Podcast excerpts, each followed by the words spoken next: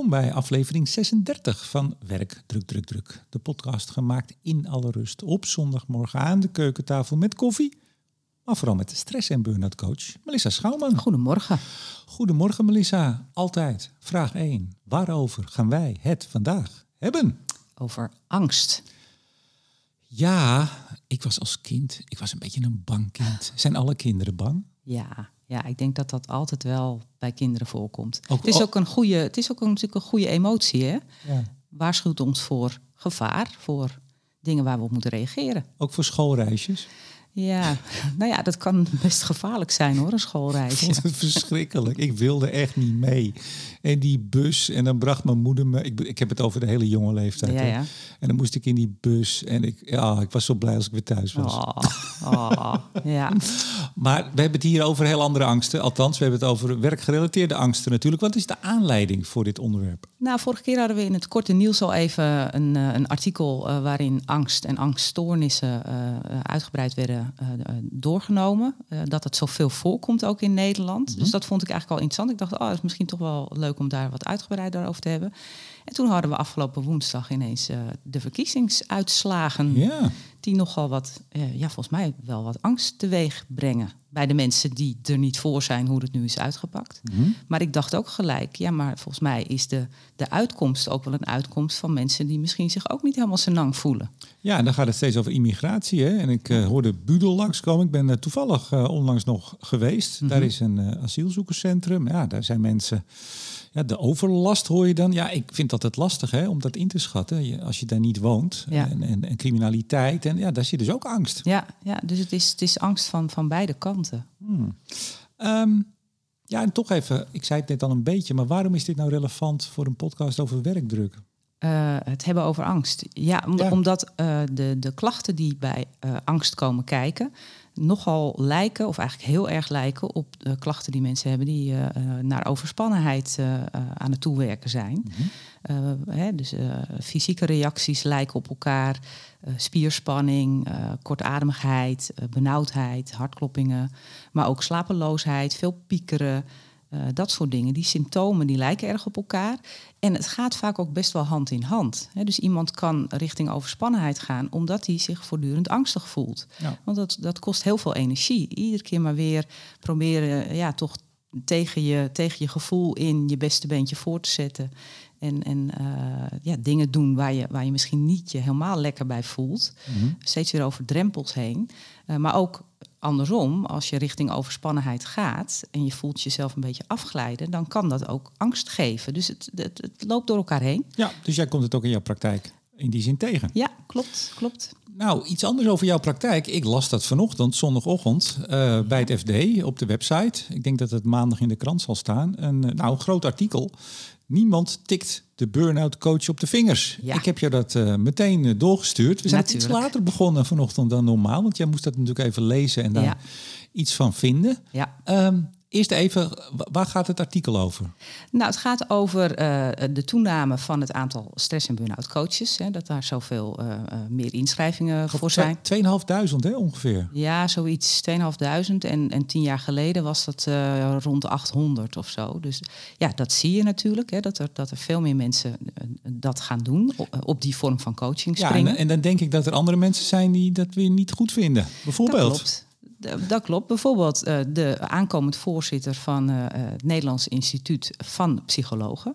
Eh, Kijk. die was daar eh, kritisch over. Eh, want wat er wordt gezegd is, eh, die coaches zijn niet medisch opgeleid en die hebben geen keurmerk of klachtenregeling. Ja, dat is niet waar. Dat is niet waar. Althans, de- deels. Eh, eh, dat ze niet medisch zijn opgeleid, dat klopt. Eh, eh, maar een goede coach heeft eh, wel een goede coachopleiding eh, achter de rug. Eh, en er is wel degelijk een keurmerk eh, en een klachtenregeling voor coaches, namelijk de vereniging waar ik zelf lid van ben, de vereniging van erkende stress- en burn-out coaches. Ja, en ik, ik las dat artikel. En nou, het is natuurlijk niet helemaal mijn wereld. Dus ik eh, las dat een beetje diagonaal, zoals het zo mooi heet. Maar ik dacht, ja, daar ga je dus weer. Hè. Dus je ziet twee ontwikkelingen. Je ziet dat er heel veel mensen dat gaan doen. Ja, Ja, en ik kan morgen ook me gaan inschrijven ja, Ik denk trouwens dat ik best wel veel ervaring heb met 36 podcasts inmiddels. Jij kan het zo gaan ik doen. Ik kan het zo gaan doen. Nee, maar je hebt natuurlijk wel, wel mensen die het zomaar gaan doen. Dat is er, ja. Vaak mensen die zelf ook al een burn-out gehad hebben, die vinden dat ze ervaringsdeskundig zijn. Dat zijn ze ook overigens. Ja. Maar daarmee ook denken dat ze anderen kunnen helpen. En Ja. misschien is dat soms ook wel zo. Maar dan snap je natuurlijk wel dat bij de gereguleerde, in dit gev- geval de psychologenkant, ja, die zien dat, eh, eh, nou, misschien ook wel, hoe zeg je dat, met leedwezen aan, omdat hun beroepsgroep misschien onder druk staat. Ja. En ik vond, het, ik vond het wel een beetje fel hoe die meneer Ja. reageerde. Het is te fel. Het is te fel. Dus het punt is eh, best Ja. oké. hè, van eh, laten we nou opletten dat mensen die hier gebruik van moeten maken, willen maken, of werkgevers die, die eh, goede zorg voor hun medewerkers zoeken, dat die wel weten dat ze voor iets goeds kiezen. Daar ben ik het helemaal mee eens. Ja, dus, dus, dus certificering, Ja. klachtenregeling, nou, dat, dat, heb je allemaal. Maar jij, jij bent ook maar, jullie, jij en de jouwen, zeg maar, dat is maar weer een klein onderdeeltje van die 2500, hè? Ja, ja die vereniging eh, erkende stress- en burn-out coaches is in Vlaanderen eh, behoorlijk groot, maar in Nederland nog niet zo heel erg. Maar dat is nou precies het soort vereniging wat je wil hebben op het moment dat je, dat je eh, klanten wil, goed wil laten kiezen voor iets waar ze ook een zekere mate van, van garantie bij voelen. Ja. Namelijk als het niet voldoet, dat er dan een klacht ingediend kan worden en dat die klacht op een professionele manier door eh, andere beroepsgenoten eh, goed wordt, wordt afgehandeld. Maar ook, hè, dat, niemand tikt de burn-out coach op de vingers.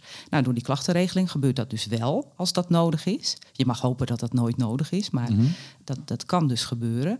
Maar ook eh, bijvoorbeeld de, de verplichte voorwaarden die wij als eh, aangesloten coaches hebben om eh, intervisie te doen Ja. en aan supervisie te doen. Om elkaar steeds op de vingers te blijven kijken. Om, om te zien dat we niet ja, een beetje buiten ons boekje gaan. Ja, je hebt me dat wel eens verteld. Jullie moeten dus intervisie doen met een aantal coaches. Dan bespreek je mekaars zaken, zonder uiteraard de, de, de, de- de details te geven. Maar je bekijkt elkaar, hoe heet het, casuïstiek? Ja, casuïstiek. Dat moet je ook rapporteren. Hè? Dus Ja. best wel streng. Eh, je moet echt afvinken, heb je, heb je deelgenomen, nou, et cetera. Ehm, dus ik, ik kan me wel voorstellen, ik las dat. Ik dacht, nou, eh, als jullie maar een klein onderdeel zijn van al die coaches, dan haalt dit jullie naam als erkend, gecertificeerd en met, met supervisie en klachtenregeling, haalt het jullie wel naar beneden. Ja, dat is ja. wel vervelend. Dus ik eh, weet ook niet of ik het alleen maar laat zitten bij deze, bij het hier even in de podcast bespreken.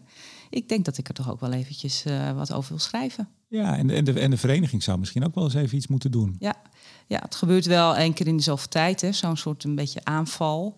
Eh, en vaak ook, eh, ja, is, dat artikel, eh, ik denk dat, dat het echt, men heeft geprobeerd om het zo evenwichtig mogelijk langs te laten komen. Hè. Mhm. Dus die, de, de NIP-voorzitter of de aankomend voorzitter Dat is, zijn de psychologen. Ja. ja, is nogal fel, maar er zijn ook andere geluiden die, die langskomen.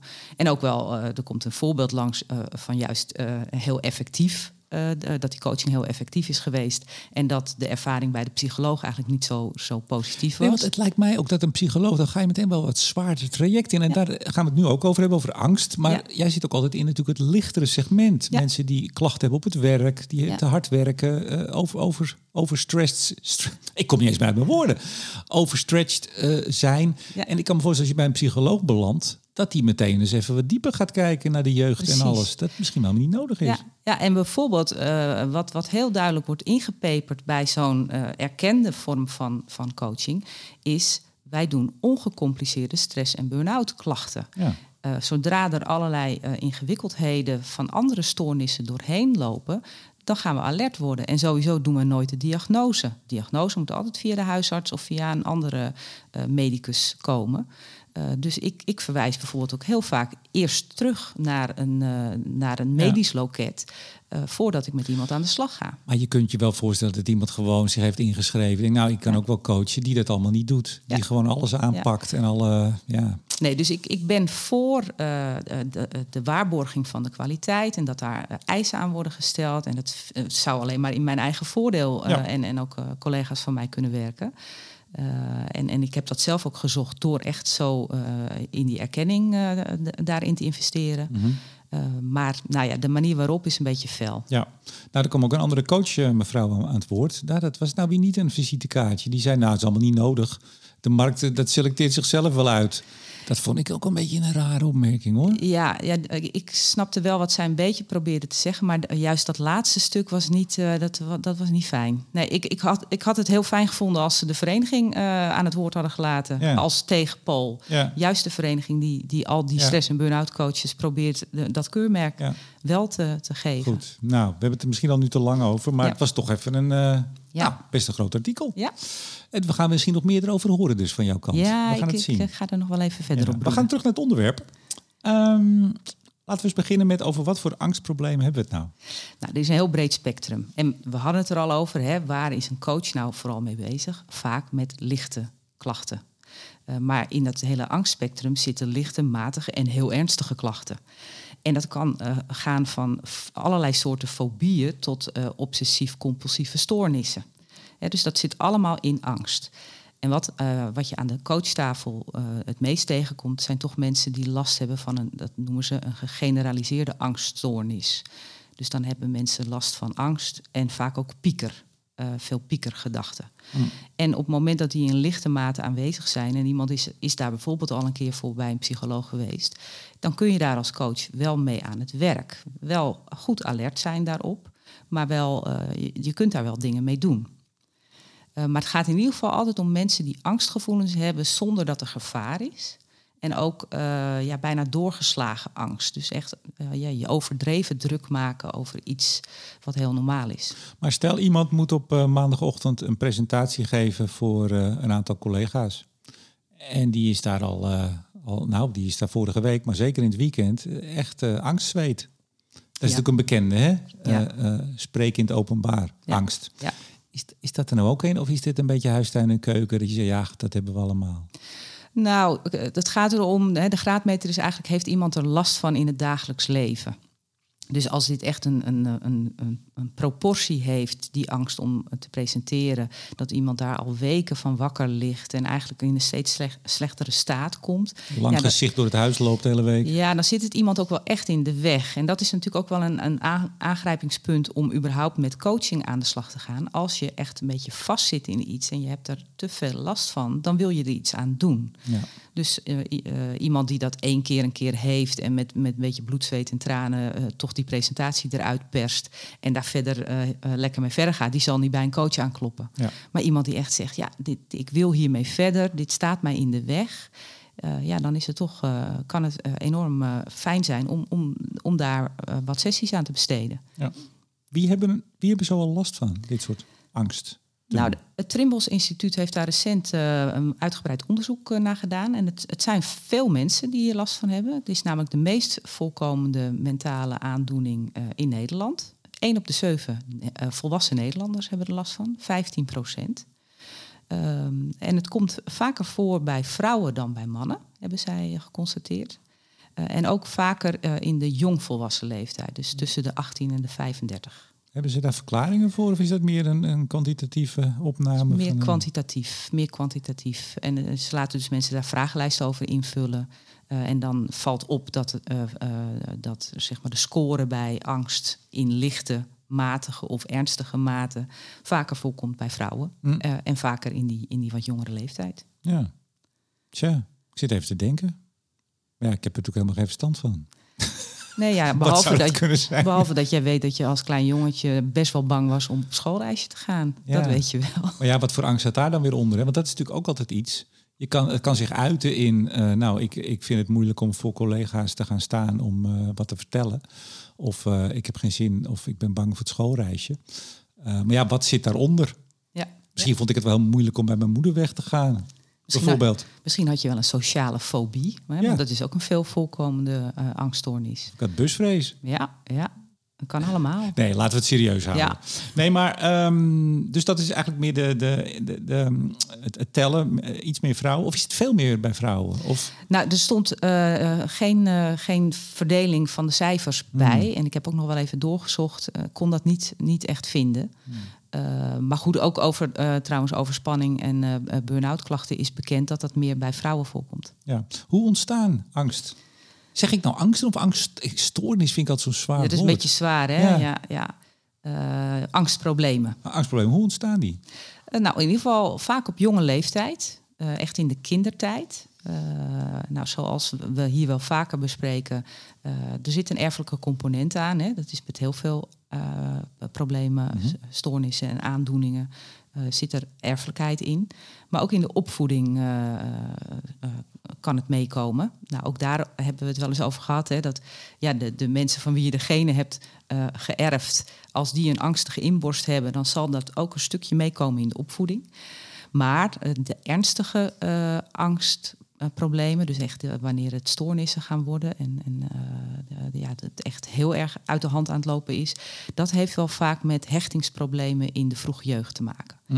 Dus er kan ook van alles echt heel erg misgaan in opvoeding van jonge kinderen, waardoor er hechtingsproblematiek ontstaat. En, en dat, dat, eh, en dat is dus iets waarvan ik ook zeg, en, en de vereniging waar ik lid van ben, dat zijn mensen die moeten echt bij een psycholoog of bij een psychiater in een uitgebreid, eh, diepgaand Ja. eh, traject. Ja, het is goed dat je erbij zegt. Want anders zouden mensen kunnen denken... nou, zie je wel, er zit een stress- en burn-out coach... die weet ook alles van dit soort zaken. Nee, Nee, we, we hebben het hier gewoon. We hebben iedere twee weken deze podcast. Er Ja. komt van alles langs. Ja. Het is goed dat je even dat scheidt van... ja, dit is mijn praktijk. Hè, het mensen, Ja. begeleiden van mensen die in het werk vastlopen... en de meer diepere zaken die je niet doet. Ja, kijk, en, en bij alle eh, probleemsoorten zit natuurlijk een heel spectrum van een lichte mate en een hele eh, zware mate. En dat, dat geldt overigens ook bij eh, overspanning en burn-out. En ook in dat artikel hè, waar, waar we het net over hadden, daar loopt dat ook door elkaar heen. Dus die, die aankomend voorzitter van, de, van NIP, die lijkt het echt te hebben over een gediagnosticeerde burn-out. Die zegt ook, ja, de, die, die, diagnoses die kunnen alleen maar door, door ons als psychologen en door, door artsen worden gesteld. Ja, daar heeft hij gelijk in. Maar eh, die gediagnosticeerde burn-outs, die komen ook helemaal niet zoveel voor. Het gaat vaak eh, over eh, die, al die stadia die daarvoor zitten. Ja. En ja, dan hebben we toch eigenlijk wel alle professionele krachten nodig om te zorgen dat mensen snel en goed aan hulp komen. Ja, want maar daar speelt ook bijna een soort strijd. Hè, van, we hebben het hier ook wel eens in de podcast gehad. Volgens mij heel lang geleden alweer. Best wel lang geleden. Eh, wie was dat nou? Iemand die zei van... Christian Vinkers. Ja, die zei, je, kan het, je kan helemaal geen diagnose stellen. Hè? Dus dat is ook de strijd in dat wereldje bij de psychologen. Van is het nou überhaupt te diagnosticeren of überhaupt niet? Ja, ja maar dat is ook wel, wel weer interessant. Eh, dat NIP laat überhaupt eh, op dit moment vrij veel van zich horen. Waarschijnlijk door die aankomende voorzitter. Want die hadden ook weer een heel pamflet gemaakt over... eh, eigenlijk tegen die Christian Vinkers, die noemen ze niet bij naam... maar dat ze het echt eh, eh, helemaal niet eens zijn met het feit... dat die diagnose niet gesteld kan worden.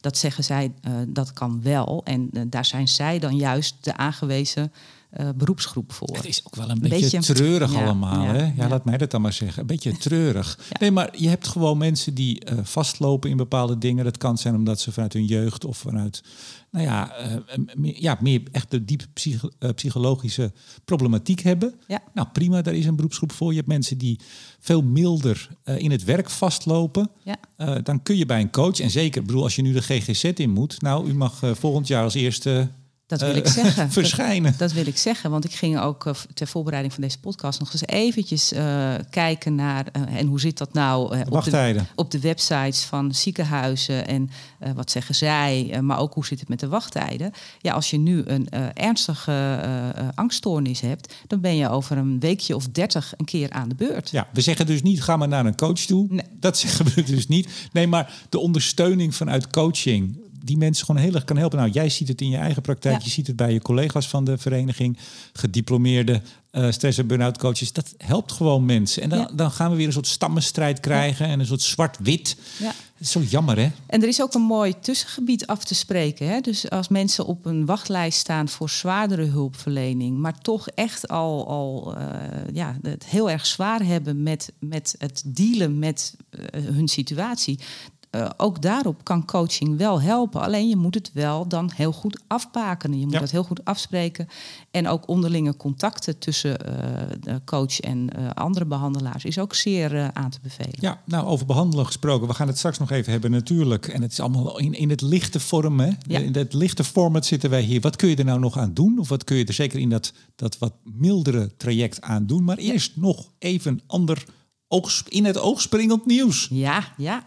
Uh, en, uh, en zeer gegund hoor. De jeugdzorg krijgt er een flinke hoeveelheid geld bij, las ik. Oké. Okay. Uh, dus volgend jaar al 9,25 procent. Mm -hmm. en in 2025 nog eens 3 procent erbovenop. Waarom zegt u dit in deze podcast, mevrouw?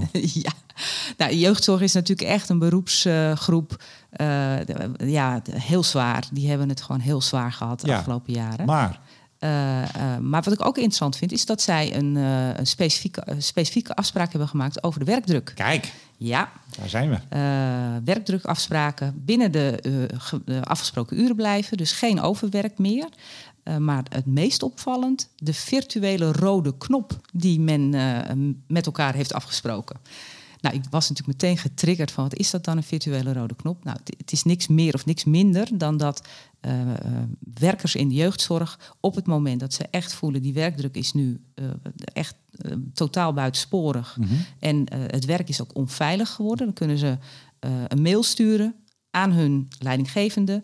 En dan is er afgesproken dat werkgevers in de jeugdzorg dan ook direct de verantwoordelijkheid voor zo'n traject uh, overnemen. Dus dat iemand niet uh, moet blijven aanmodderen uh, ja, met veel te hoge werkdruk. Ja, we hebben het over degene die dus he iemand helpt, ja. de, de, de, hulpverlener. De hulpverlener. Maar ja, ja dan moet die, die chef of die, die baas, die, die moet dan wel dat traject, die, die cliënt ergens anders on onderbrengen en die hebben het ook druk. Ja, ja dus het klinkt uh, misschien mooier dan het in de praktijk gaat zijn. Uh, maar het geeft wel aan dat, dat men het heel serieus neemt uh, dat dit soms enorm over de schoenen van jeugdhulpverleners loopt. Ja, nou, en ik denk als ik jou dan zo hoor dat het wel misschien een aanbeveling is voor andere branches. Ja, ja, om in ieder geval echt heel serieus naar die problematiek te kijken. Want dit, dit heeft een aanloop. We hebben het hier wel eens eerder over jeugdzorg gehad. Mm -hmm. uh, en bijvoorbeeld ook dat zij minder dossiers uh, aannemen.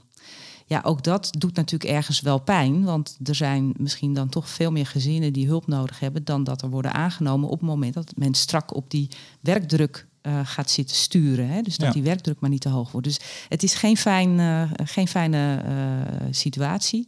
Uh, maar ergens uh, moet er wel meer bescherming komen voor, voor die hulpverleners. Ja. Want als die allemaal massaal uitvallen of dat werk niet meer willen doen, dan hebben we helemaal niks meer. Ja, dus worden die wachtlijsten weer langer. En dan Ja. gaat uh, weer een voorzitter van het een of ander roepen dat, dat mensen niet naar een coach mogen. Ja. Terwijl die misschien in dat, hè, je hebt het net prima gezegd, in, dat, in die wachttijd, dat het misschien toch even wat soelaas kan bieden. Niet, niet om echt te behandelen, maar wel om vast een soort luisterend oor. Ja. Zeg ik dat zo goed? ja, zeg je heel goed. Goed, nou ja, geld erbij en vooral de rode knop. Ehm, we gaan door. Wat Ja. valt er te doen aan de angstproblemen? Nou, als het gaat om, om lichte problematiek, hè, eh, is er toch ook wel het al bekende rust, reinheid en regelmaat. Eh, goede zelfzorg. Ja. Eh, mensen worden echt ook, ook op de huisartsenvereniging website opgeroepen. als je last hebt van lichte mate van angst, zorg goed voor jezelf. Genoeg slapen, goed eten, bewegen, ontspannen. Maar vooral ook dingen blijven doen. Want dingen blijven doen, dat is ook in de wat, eh, wat zwaardere eh, eh, methodes, zwaardere aanpak van, van deze problematiek, is dat wel een ding. Exposure, dat is het, is het woord daarvoor. Dus mensen die angstig zijn, die zijn vaak angstig voor iets wat er helemaal niet is. En het ze dan toch in een lichte mate laten ondergaan. Hè, zorgen dat ze dingen blijven ondergaan.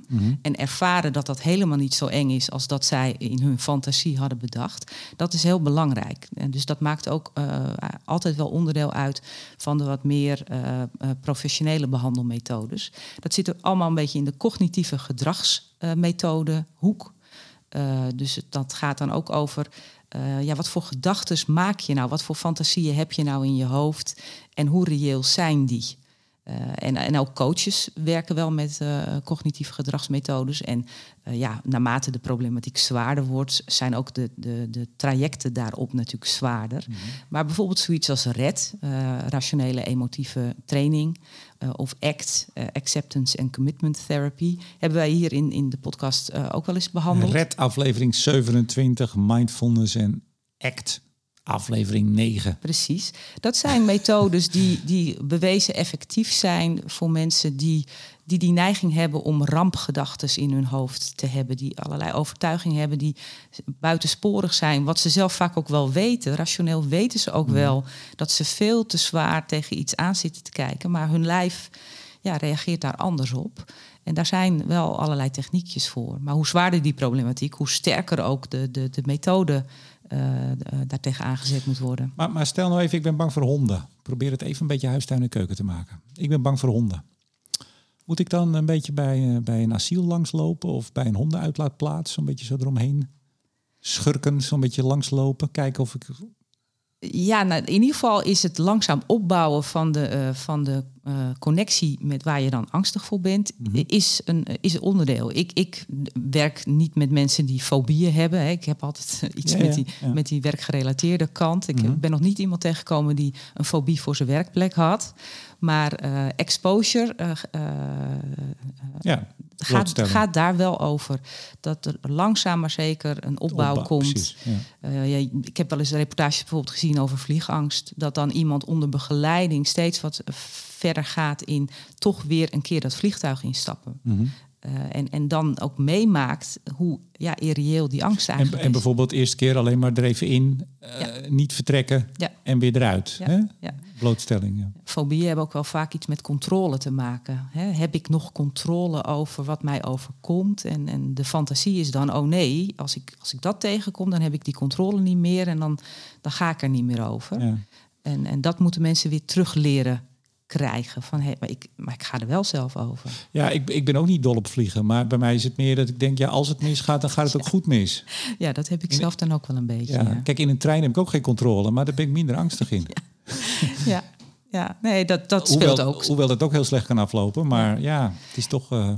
Ja, en dan, en dan kan je nog weer een hele discussie hebben over hoe vaak gaat het dan daadwerkelijk mis met vliegtuigen ten opzichte van hoe vaak het misgaat uh, op de weg met een auto. Uh, nou, die cijfers die zijn totaal verschillend. Nou, ik, ik heb al een tijd niet gevlogen. Sowieso niet veel gevlogen. Maar ik heb dat best wel gehad. En dan dacht ik, ja... Maar ja, die mensen die ooit naar beneden zijn gevallen... Ja. die dachten ook, ach, die statistieken. Ja, ik heb precies hetzelfde. Ja. Nee, dus het is maar goed dat ik misschien niet helemaal aan die fobieënkant uh, aan het werk uh, ben, maar gewoon met, uh, met mensen die vastlopen in het werk.